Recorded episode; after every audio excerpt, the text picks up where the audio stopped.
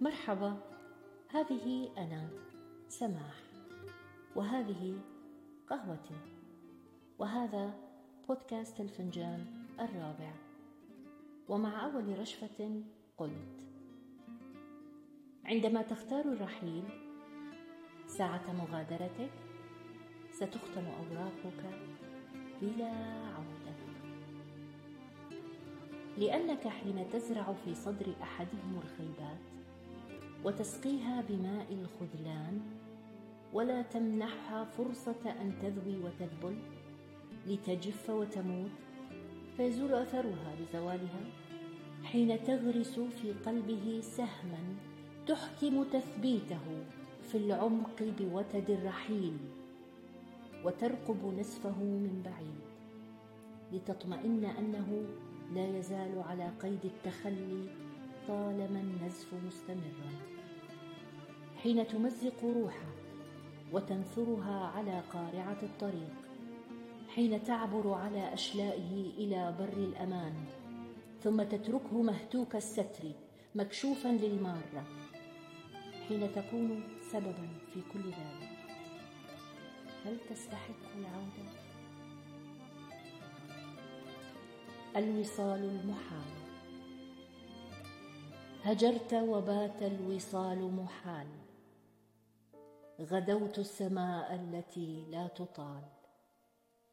فأنت الحياة التي لا تعاش وأنت الكلام الذي لا يقال. وأنت الدليل وأنت الدليل الذي لا يضل. وأنت الغواية عين الضلال. وأنت السلام الذي لا يحل. وأنت الحروب بغير القتال.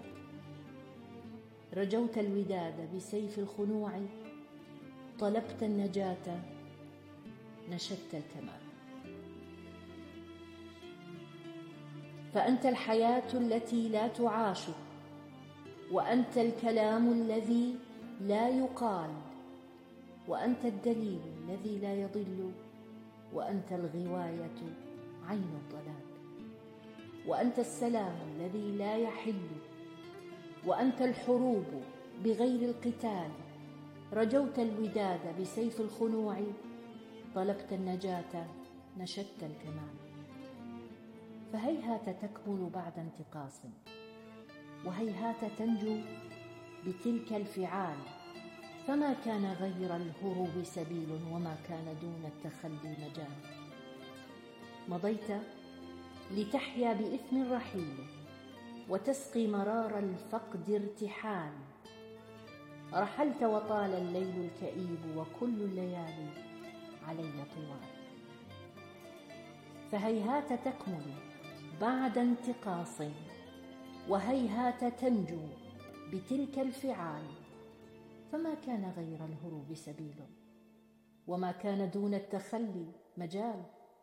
مضيت لتحيا بإثم الرحيل وتسقي مرار الفقد ارتحال رحلت وطال الليل الكئيب وكل الليالي علي طوال فهيا نعاني عذاب الفراق ونبكي غراما عزيز المنال ونشقى بذنب الفؤاد العليل ليبقى رهينا لقيد الوصال.